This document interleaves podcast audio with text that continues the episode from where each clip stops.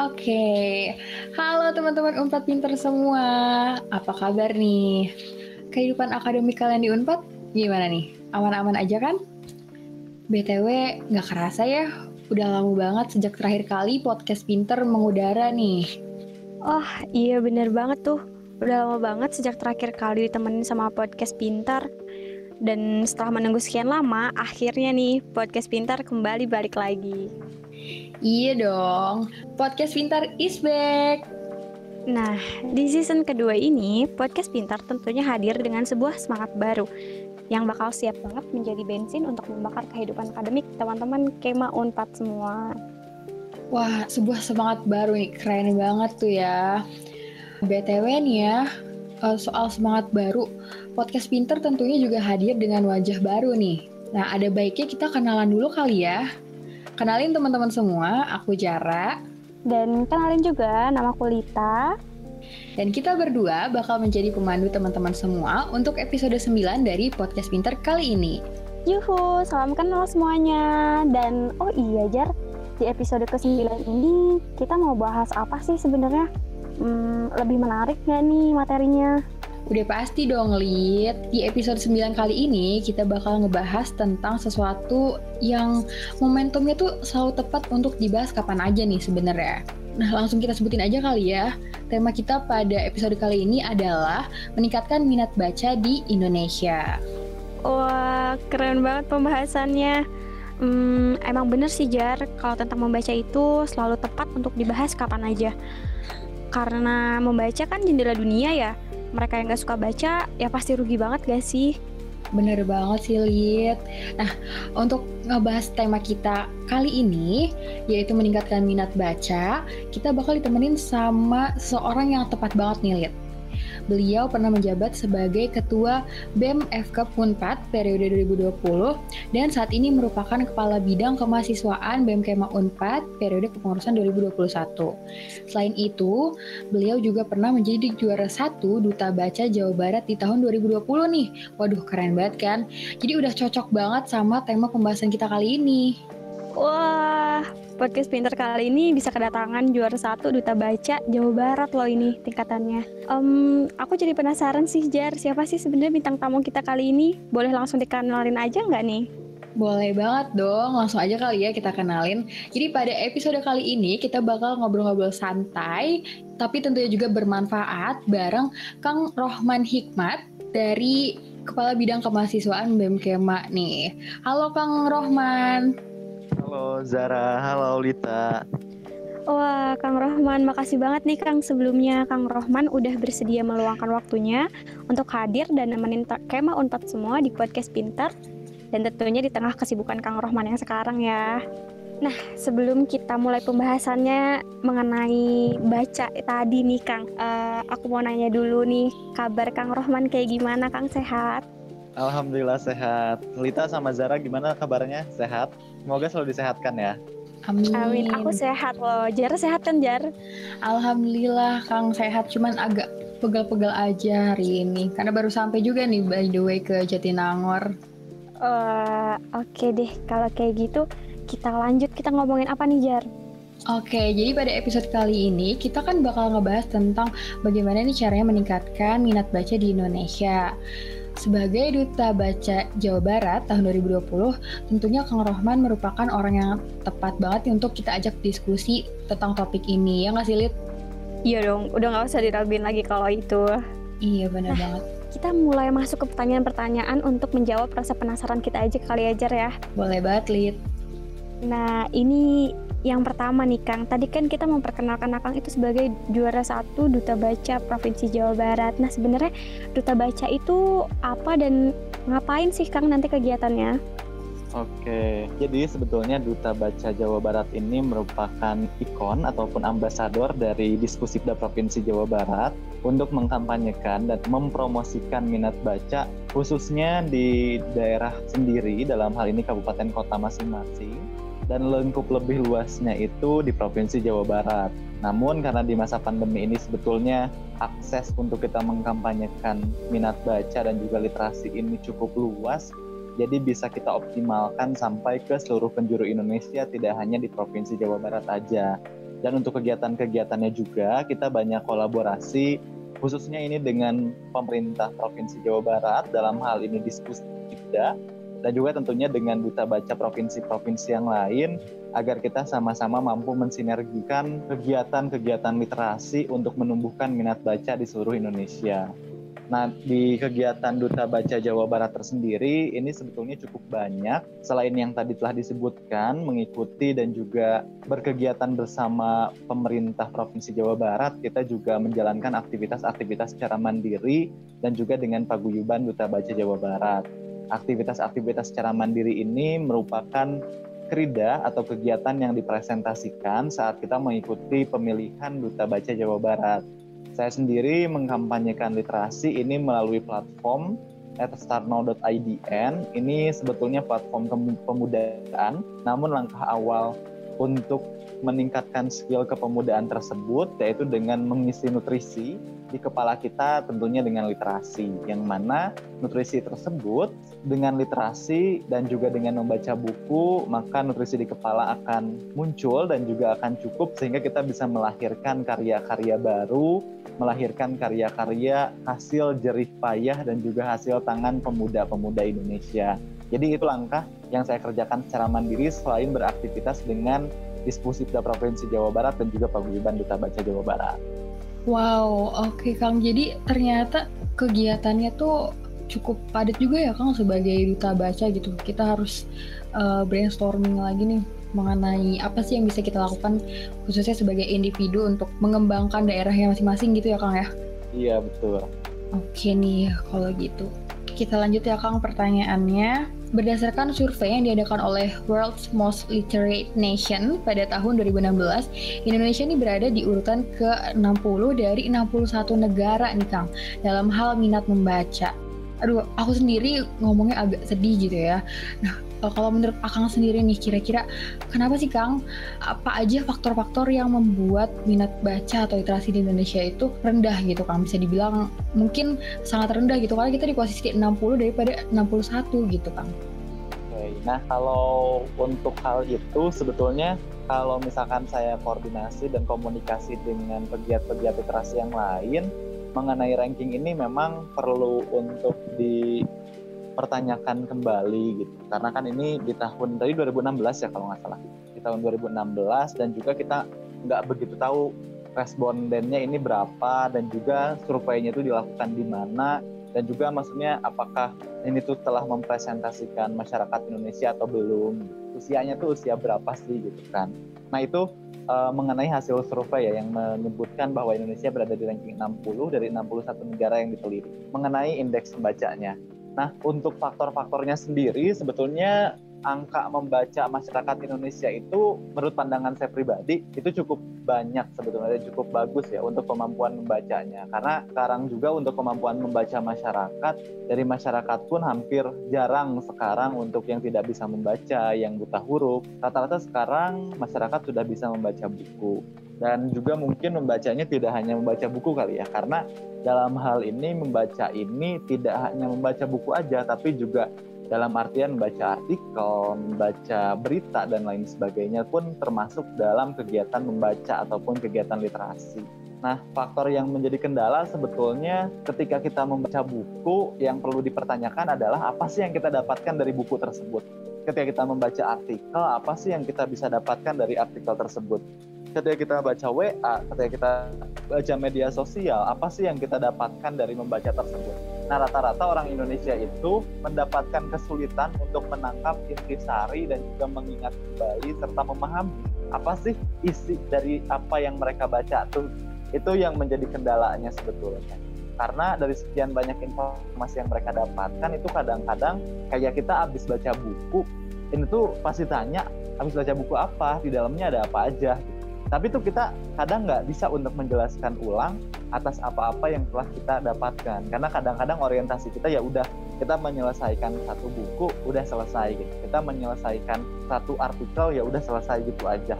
Tanpa mendalami dan melakukan penghayatan dari setiap bacaan yang telah kita baca. Itu sebetulnya menjadi kendala. Lalu yang kedua, ini sebetulnya adanya gawai atau handphone. Adanya gawai atau handphone ini sebetulnya bisa untuk meningkatkan indeks membaca, tapi juga bisa menurunkan indeks membaca.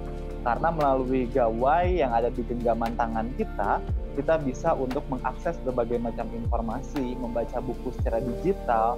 Namun karena kadang pemanfaatan gawai ini kurang begitu dimaksimalkan untuk membaca informasi ataupun bahan bacaan sehingga membuat kita ini terjebak dengan godaan-godaan gitu ya di gawai ataupun di handphone ini yaitu dengan kebanyakannya itu bermain games, terus juga melihat media sosial karena kita lebih senang untuk scroll IG ya, scroll IG berlama-lama scroll IG dibandingkan berlama-lama membaca informasi. Nah, itu sebetulnya hambatan-hambatan yang mungkin terjadi di era sekarang di era serba digital ini. Jadi kalau zaman dulu mah kendala-kendalanya itu banyaknya karena ketidakmampuan membaca, buta huruf dan lain sebagainya. Kalau sekarang justru akses informasi jauh lebih mudah untuk didapatkan, tapi kitanya yang cukup malas dan cukup terdistrak gitu ya untuk mengakses informasi tersebut. Wah, oke okay nih Kang. Mungkin ada lagi Kang yang mau ditambahin terkait pertanyaan tersebut? Cukup, cukup. Oke Kang, uh, aku agak tertarik tadi sama pernyataan Akang yang poin kedua ya tentang gawai gitu kan di Instagram juga kita sebenarnya baca ya Kang bisa baca caption atau ya seenggaknya baca uh, username lah dari yang upload ini siapa gitu. Sebenarnya itu tuh bisa jadi pemantik juga nggak sih Kang sebenarnya untuk meningkatkan minat baca gitu. Kalau menurut Akang pribadi.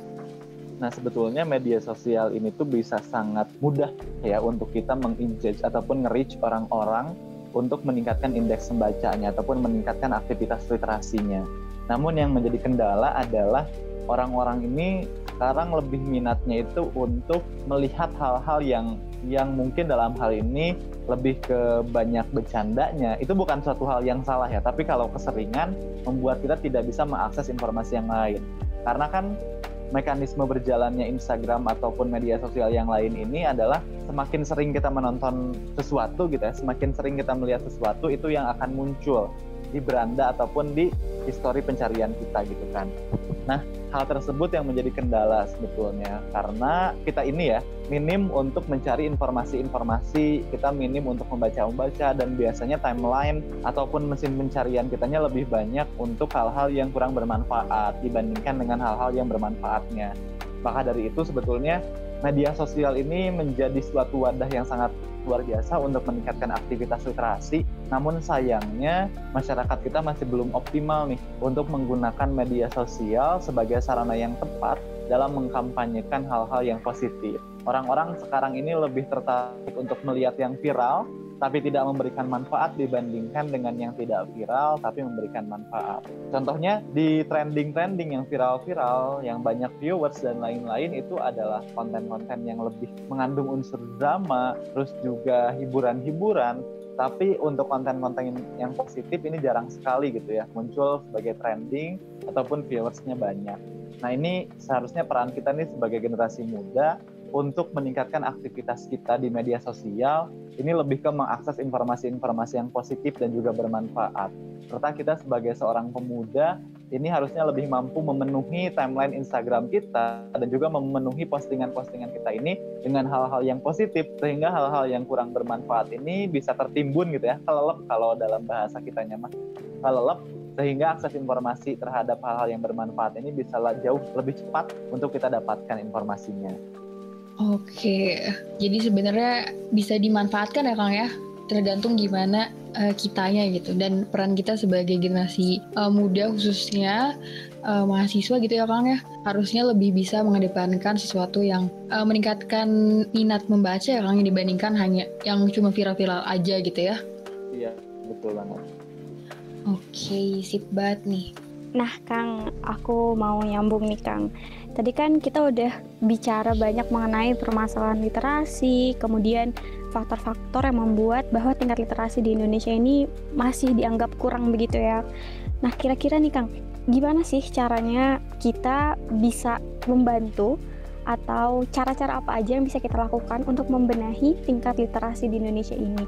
Karena tuh kalau misalnya tadi kita balik lagi ke obrolan yang tadi itu kan lebih banyaknya mengenai kesadaran diri sendiri ya Kang. Jadi kayak ya kesadaran diri sendiri aja kalau misalnya di Instagram ya lihatnya yang bermanfaat, bacanya informasi yang bermanfaat. Tapi apakah ada cara-cara khususnya yang bisa kita tularkan atau mungkin yang biasa akan kampanyekan untuk meningkatkan tingkat literasi di Indonesia ini? Gimana tuh Kang?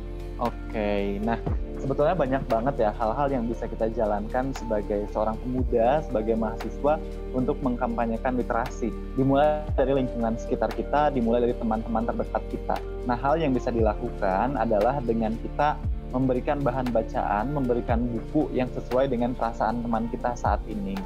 Jadi itu hal yang bisa dilakukan pertama kali dengan kita nge-reach teman-teman yang ada di sekeliling kita. Contohnya misalkan teman kita lagi bucin gitu ya, nah kita kasih deh buku-buku yang tentang percintaan karena sebetulnya akan banyak banget pemaknaan dan juga kebermanfaatan dari buku tersebut. Itu yang pertama bisa kita lakukan. Karena dimulai dari kita menumbuhkan minat baca teman terdekat kita dulu. Kecuali kalau teman kitanya udah mulai suka baca, ya kita akan lebih mudah untuk kita memberikan informasi-informasi yang lain.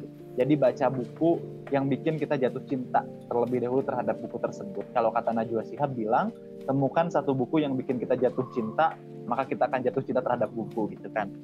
Jadi kita mulai dari teman terdekat kita dulu, kita berikan buku yang sesuai dengan kondisi hatinya ataupun perasaan. Lalu yang kedua yang bisa dilakukan adalah mulai dari sekarang kita tanamkan dalam diri kita bahwa kita adalah influencer bagi pengikut-pengikut kita gitu kan. Karena dengan kita menganggap diri kita sebagai influencer, kita akan memenuhi postingan-postingan kita menjadi postingan-postingan yang bermanfaat. Kita akan mengunggah foto-foto, mengunggah poster sesuai dengan kebutuhan-kebutuhan pengikut-pengikut kita. Jadi pastiin bahwa kita itu adalah influencer nih bagi lingkungan sekitar kita dan juga bagi followers-followers kita di media sosial. Sehingga caption ataupun takarir yang kita berikan, yang kita sampaikan ini adalah suatu hal yang bermanfaat. Lalu yang bisa dilakukan lagi adalah dengan kita berempati terlebih dahulu terhadap lingkungan sekitar kita. Kalau tadi mungkin lebih ke teman-teman dekat kita, kalau yang sekarang kita berempati terhadap kondisi lingkungan sekitar kita. Lingkungan sekitar kita ini butuh apa sih? Apakah mereka itu anak-anaknya kurang pemahaman mengenai bahasa Inggris, kurang pemahaman atau mungkin kurang pemahaman untuk pentingnya membaca dan juga mungkin di desa ataupun kelurahan kita apakah tersedia perpustakaan desa atau kelurahan Nah, ketika hal tersebut tidak kita lihat, tidak ada keberadaannya, bisa kita advokasikan. Bisa kita mulai dengan kita mengajar orang-orang di sekitar kita, lingkungan sekitar kita. Lalu juga kalau misalkan tidak ada perpustakaan desa atau kelurahan, kita bisa mengadvokasikan agar desa atau kelurahan tersebut bisa mengadakan perpustakaan desanya. Lalu juga untuk yang lebih dalamnya lagi, sebetulnya paling penting adalah bagaimana cara kita berani up terhadap sesuatu hal yang kita anggap ini adalah benar. Kita anggap ini adalah penting untuk disampaikan. Karena kadang-kadang sebetulnya pola pikir masyarakat Indonesia ini udah bagus cuman hanya sedikit orang-orang yang berani menyuarakan pendapatnya. Jadi cuman ngikut aja pendapat paling banyak mana cuman ngikut-ngikut doang tapi tidak mem, tidak berani untuk menyampaikan apa yang ada di kepala kita. Jadi sebetulnya dalam kita mengkampanyekan literasi adalah bagaimana cara kita bersuara terhadap literasi tersebut. Gitu Iya, jadi memang cara kita itu tergantung dengan lingkungan atau kondisi di sekitar kita juga ya Kang. Karena ya perlu penyesuaian juga bener sih. Aku dapetin insight baru. Makasih banget nih Kang. Oke, selanjutnya tadi kita udah ngomong-ngomong tentang buku favorit ya Jar. Jar, kamu buku favorit kamu apa sih Jar? Kalau aku ditanya buku favorit, bingung sih soalnya lumayan banyak. Cuman akhir-akhir ini yang lagi menginspirasi aku uh, banget itu salah satu buku dari Bright Publisher, judulnya Inside the Mind of Winners. Jadi itu salah satu buku uh, seriesnya self improvement gitu deh. Kalau aku itu sih buku favorit ya, karena itu banyak ngasih aku insight. Kalau kamu apa? Lit? Kalau Lita, Lita tuh punya satu buku bukan favorit sih, cuman kayak yang berkesan banget nih kan. Kenapa aku masuk jurusan yang sekarang aku jalanin itu karena buku ini. Itu tuh bukunya judulnya Bumi Cinta, karangan siapa ya? Aduh aku lupa pengarangnya, cuman judul Abi bukunya Bumi Cinta. Rozi nggak sih Bumi Cinta? Ah iya itu kan. yang gara-gara itu loh kang iya gara-gara itu aku masuk sejarah loh kang bener-bener berdampak banget wow insightful ya lihat bukunya berarti buat kamu Iya. Oke nih, kalau aku dan Lita kan udah nih. Kalau Kang Rohman nih, buku favoritnya apa sih Kang kalau boleh tahu? Oke, kalau buku favorit aku sebetulnya untuk yang sekarang-sekarang ya, untuk yang sekarang-sekarang benar-benar jadi buku favorit itu tuh buku yang genrenya itu lebih ke motivasi dan juga pengembangan diri gitu ya. Apalagi di usia aku yang sekarang masa tingkat akhir udah masa-masanya quarter life crisis jadi lebih ke banyak baca buku tentang pengembangan diri motivasi bahwa hidup terus tetap berjalan gitu kan. Terus, terus tetap berjalan meskipun dengan berbagai macam rintangan dan juga tantangan yang harus dihadapi. Buku yang terakhir aku baca juga itu judulnya maaf Tuhan aku pernah menyerah gitu kan agak sedikit wow. gitu ya. tapi itu merupakan buku yang bisa aku baca berulang-ulang karena saking oh iya ya benar juga oh iya ya benar juga uh, kalau boleh tahu uh, dari siapa tukang penulisnya sebetulnya aku lupa penulisnya siapa karena buku itu tuh udah lama aku baca cuman selalu dibawa-bawa gitu selalu aku baca lagi baca lagi tapi nggak nggak ngeliat penulisnya Wah, oke okay, oke. Okay. Tadi judulnya Maaf Tuhan, aku pernah menyerah gitu ya, Kang? Ya? Iya. Wah, menarik sih. Aku dengar judulnya aja udah tertarik banget nih, Kang. Kayak mau baca juga kayak abis ini. Berarti kalau itu genre-nya pengembangan diri, Kang, atau apa tuh tadi? Iya sih, sebenarnya lebih ke motivasi, pengembangan diri gitu. Dan memang penulisnya juga bukan penulis besar seperti Habibur Rahman, seperti Asma Nadia dan lain-lain bukan seperti Firsa Besari dan lain-lain sebetulnya cuman ya itu tadi aku nemu buku itu terus aku baca terus ternyata selalu aku baca ulang-ulang Wow, oke okay. ini berarti tadi uh, itu lihat buku favoritnya Kang Rohman tuh. Maaf Tuhan aku pernah menyerah. Kalau Lita jadi tertarik gak lihat buat bacanya? Aku sih tertarik banget. Ih, asli. Ayo kita beli jar. Abis ini jar. Yuk, besok kita janjian ya. Oke, nah Kang, selanjutnya nih, tadi kan itu ada buku favoritnya Kang Rohman nih. Nah kira-kira Kang Rohman tuh ada ini nggak sih Kang, ada rekomendasi buku untuk teman-teman Kema Unpad yang emang untuk memulai biar bisa suka baca gitu. Biar bisa suka baca biar suka baca gitu Kang. Kira-kira ada nih gak nih Kang buku yang recommended banget dari Kang Rohman Oke, nah sebetulnya sesuai dengan yang aku bilang tadi kali ya, untuk memulai membaca buku itu harus memulai dari buku yang bikin kita suka terhadap buku tersebut. Jadi masing-masing individu pasti beda. Cuman kalau aku pribadi mulai suka sama buku itu ketika aku baca buku Laskar Pelangi gitu ya. Kan Laskar Pelangi ini buku yang cukup insightful dan juga cukup memberikan semangat-semangat banget ya bagi kita. Karena kan ini lebih ke perjuangan anak-anak kecil gitu ya untuk melanjutkan sekolah dan juga semangatnya untuk menuntut ilmu.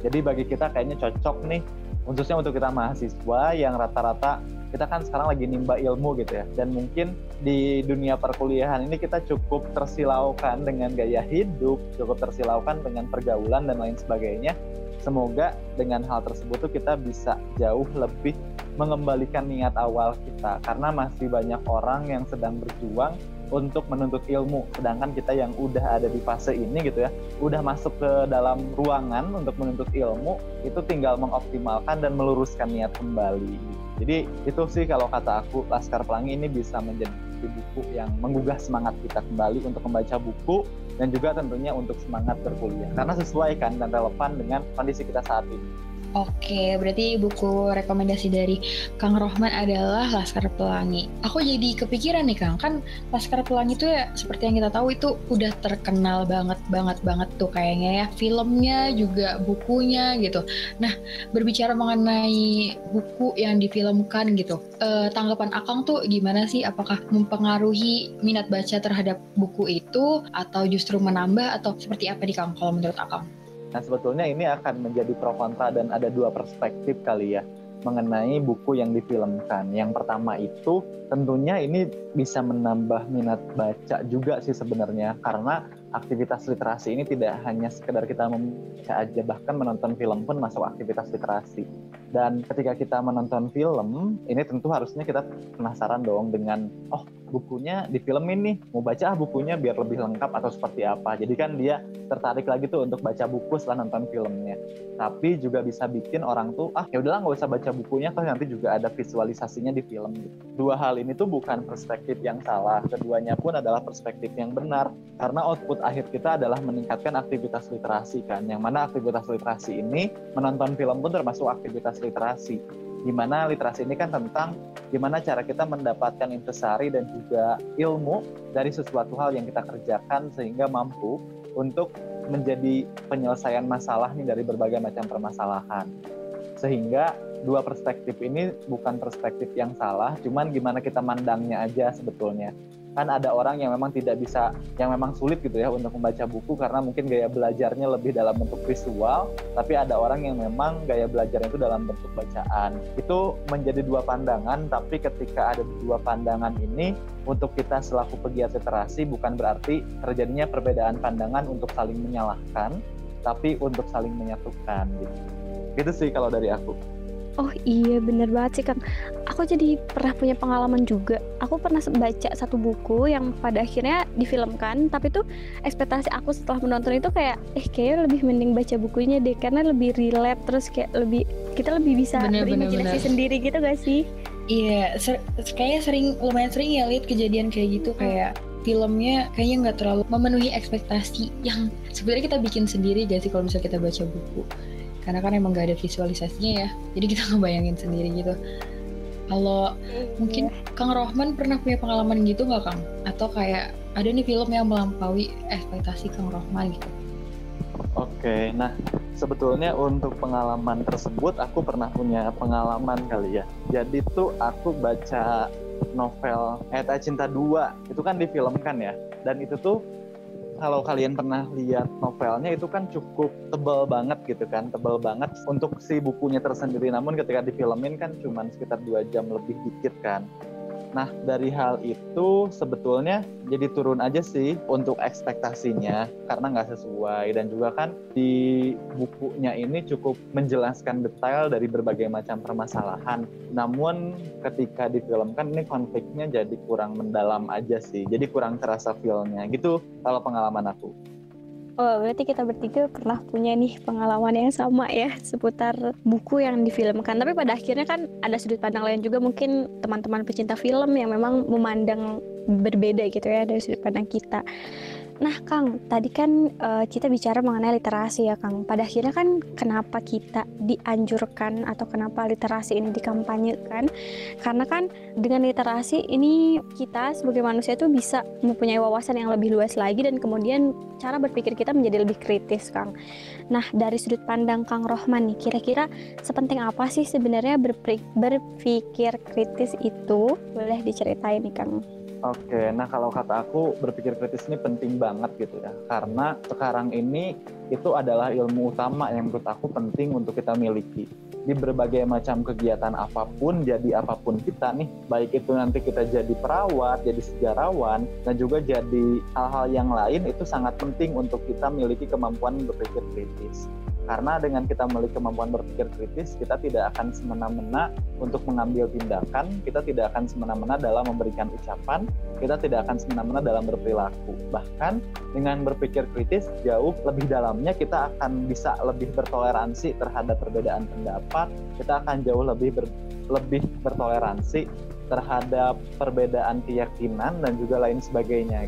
Jadi berpikir kritis itu pun sebetulnya bisa kita dapatkan dengan membaca buku yang mana dengan membaca buku akan banyak informasi yang kita dapatkan sehingga jauh lebih menghargai oh ternyata di dunia ini tuh nggak cuma ada pandangan saya doang gitu tapi di dunia ini akan ada banyak pandangan yang mana dari berbagai macam pandangan tersebut bukan berarti kita harus saling menyalahkan dan juga bukan harus saling merasa pendapat kita yang paling benar Oke nih Kang, jadi uh, mungkin lebih bisa uh, menerima pendapat orang lain gitu ya Kang ya, dengan berpikir kritis juga. Menarik sih Kang ini. Aduh aku jadi pengen banyak ngobrol-ngobrol lagi nih sama Kang Rohman nih sebenarnya. Tapi uh, kita tanyain dulu pertanyaan yang lain deh kalau gitu kalau kita ngobrolin tingkat literasi atau misalnya minat baca itu kan nggak terlepas juga dari proses pendidikan yang kita lakukan selama ini gitu. Nah, ngomong-ngomong tentang pendidikan nih Kang, ada nggak sih sebenarnya tokoh pendidik yang menginspirasi Akang gitu? Uh, inspiring banget gitu buat Akang, ada nggak sih Kang? Oke, sebetulnya kalau ditanya tokoh pendidik yang paling menginspirasi itu guru aku waktu SMP sih sebenarnya. Mungkin ini tidak mengidola bukan tidak mengidolakan ya tapi mungkin agak sedikit berbeda. Karena kebanyakan orang misalkan mengidolakan Raden Ajeng Kartini terus juga Dewi Sartika Ki Hajar Dewantara Soekarno dan lain sebagainya. Kalau aku sendiri itu adalah guru aku waktu SMP karena dulu tuh aku nggak pernah kepikiran ya mau lanjut sekolah. Jadi kayak nggak punya nggak punya motivasi aja gitu tuh buat lanjut sekolah dan lain sebagainya. Cuman guru aku waktu SMP ini lebih ke memberikan motivasi dan juga bahkan sampai menunjukkan sekolah yang bagus untuk aku ya melanjutkan SMA gitu. Jadi itu yang menjadi inspirasi aku sampai saat ini. Dan beliau selalu bilang bahwa kita nggak pernah yakin akan ada kesempatan kedua di dunia ini, maka dari itu ketika ada kesempatan kita harus mengoptimalkan kesempatan tersebut. Dan kalimat tersebut yang selalu menginspirasi aku dan menjadi pendorong aku nih untuk memanfaatkan berbagai macam kesempatan yang ada di hadapan mataku. Ketika itu ada, itu harus aku lakuin saat itu juga gitu, nggak menunda-nunda lagi gitu. Karena kesempatan belum tentu datang dua kali. Setuju banget sih Kang sama guru Akang. Iya bener sih karena kita nggak tahu kapan datangnya ya Kang. Berarti kita emang harus siap-siap aja kali ya Kang ya. Berarti kalau misalnya nanti ada kesempatan yang datang, kita udah siap gitu untuk apa pun itu. Iya bener banget. Wah, pembicaraan kita malam ini berat banget guys sih Jar tapi bener-bener ngasih insight baru banget sih jujur buat aku pribadi juga tadi dari mulai duta baca ya dari mulai kegiatan dari duta baca kemudian uh, kegiatan-kegiatannya kemudian masuk ke pentingnya literasi, permasalahan literasi di Indonesia sampai ke tokoh pendidikan yang menginspirasi. Nah, dari Kang Rohman nih, tadi kita udah ngomong banyak juga, tapi kira-kira dari Kang Rohman ada yang mau disampaikan dulu nggak terkait close statement mungkin ya tentang tema kita malam ini mengenai meningkatkan minat baca. Gimana nih Kang? Oke, nah sebetulnya kalau dari aku pribadi mau nyampein ke teman-teman semuanya kepada Kema Unpad ya, pada Kema Unpad yang mendengarkan podcast Pinter kali ini, bahwa sejatinya membaca itu harus kita sesuaikan sebagai kebutuhan gitu. Karena kalau kita belum merasa butuh, kita nggak akan pernah tertarik untuk membaca buku. Maka dari itu, baca buku itu jadikan sebagai kebutuhan, bukan sebagai gengsi-gengsian, bukan sebagai ajang untuk upload di media sosial juga, tapi baca buku adalah suatu kebutuhan. Karena kalau kita udah merasa butuh, nggak perlu lagi orang untuk mengingatkan kita membaca buku, kita akan membaca buku dengan sendirinya. Dan temukan satu buku yang bikin kamu jatuh cinta terhadap buku tersebut, karena kamu akan jatuh cinta terhadap semua buku. Maka dari itu sekarang temuin dulu nih buku yang bikin kita jatuh cinta karena kalau kita nggak kalau kita belum jatuh cinta sama buku akan sulit bagi kita memulai aktivitas membaca dan berliterasi gitu. Nah, itu dia nih teman-teman kayak mau semua pesan-pesan yang disampaikan oleh Kang Rohman. Dan ternyata emang bener ya, uh, membaca itu jadi hal yang sangat penting, hal yang sangat krusial juga karena dengan membaca itu kita benar-benar bisa membuka banyak hal. Makanya kenapa ada peribahasa membaca buku itu tuh sebagai jendela dunia kayak gitu dari aku boleh nambahin sedikit lagi gak? Eh boleh banget Kang, gimana gimana? Ada juga nih peribahasa cikaracak minggang batu laun-laun jadi legok gitu kan. Nah itu juga sama kita dengan membaca buku nggak perlu kita berambisi untuk menghabiskan satu buku dalam satu hari gitu ya. Nggak perlu juga kita merasa bahwa oh orang lain baca bukunya banyak banget gitu kan sehingga membuat kita tuh jadi pokoknya gue juga mau gak mau harus baca bukunya sebanyak orang lain. Bukan itu tapi jika racak yang batu lalu dialog ini kita mulai dari hal yang terkecil kita mulai dengan membiasakan diri pelan-pelan aja untuk mencintai buku ini. Buku, baca buku itu bukan tentang banyak atau sedikit tapi tentang continue gitu. Bagaimana cara kita continue dalam membaca buku. Satu lembar dalam satu hari aja cukup bahkan satu ini ya satu halaman dalam satu hari aja cukup untuk kita membaca buku dan konsisten untuk membaca buku tersebut. Karena lama kelamaan ilmu yang kita dapatkan ini akan semakin banyak. Bukan tentang banyaknya tapi tentang apa yang kita dapatkan dari bahan bacaan yang kita baca gitu.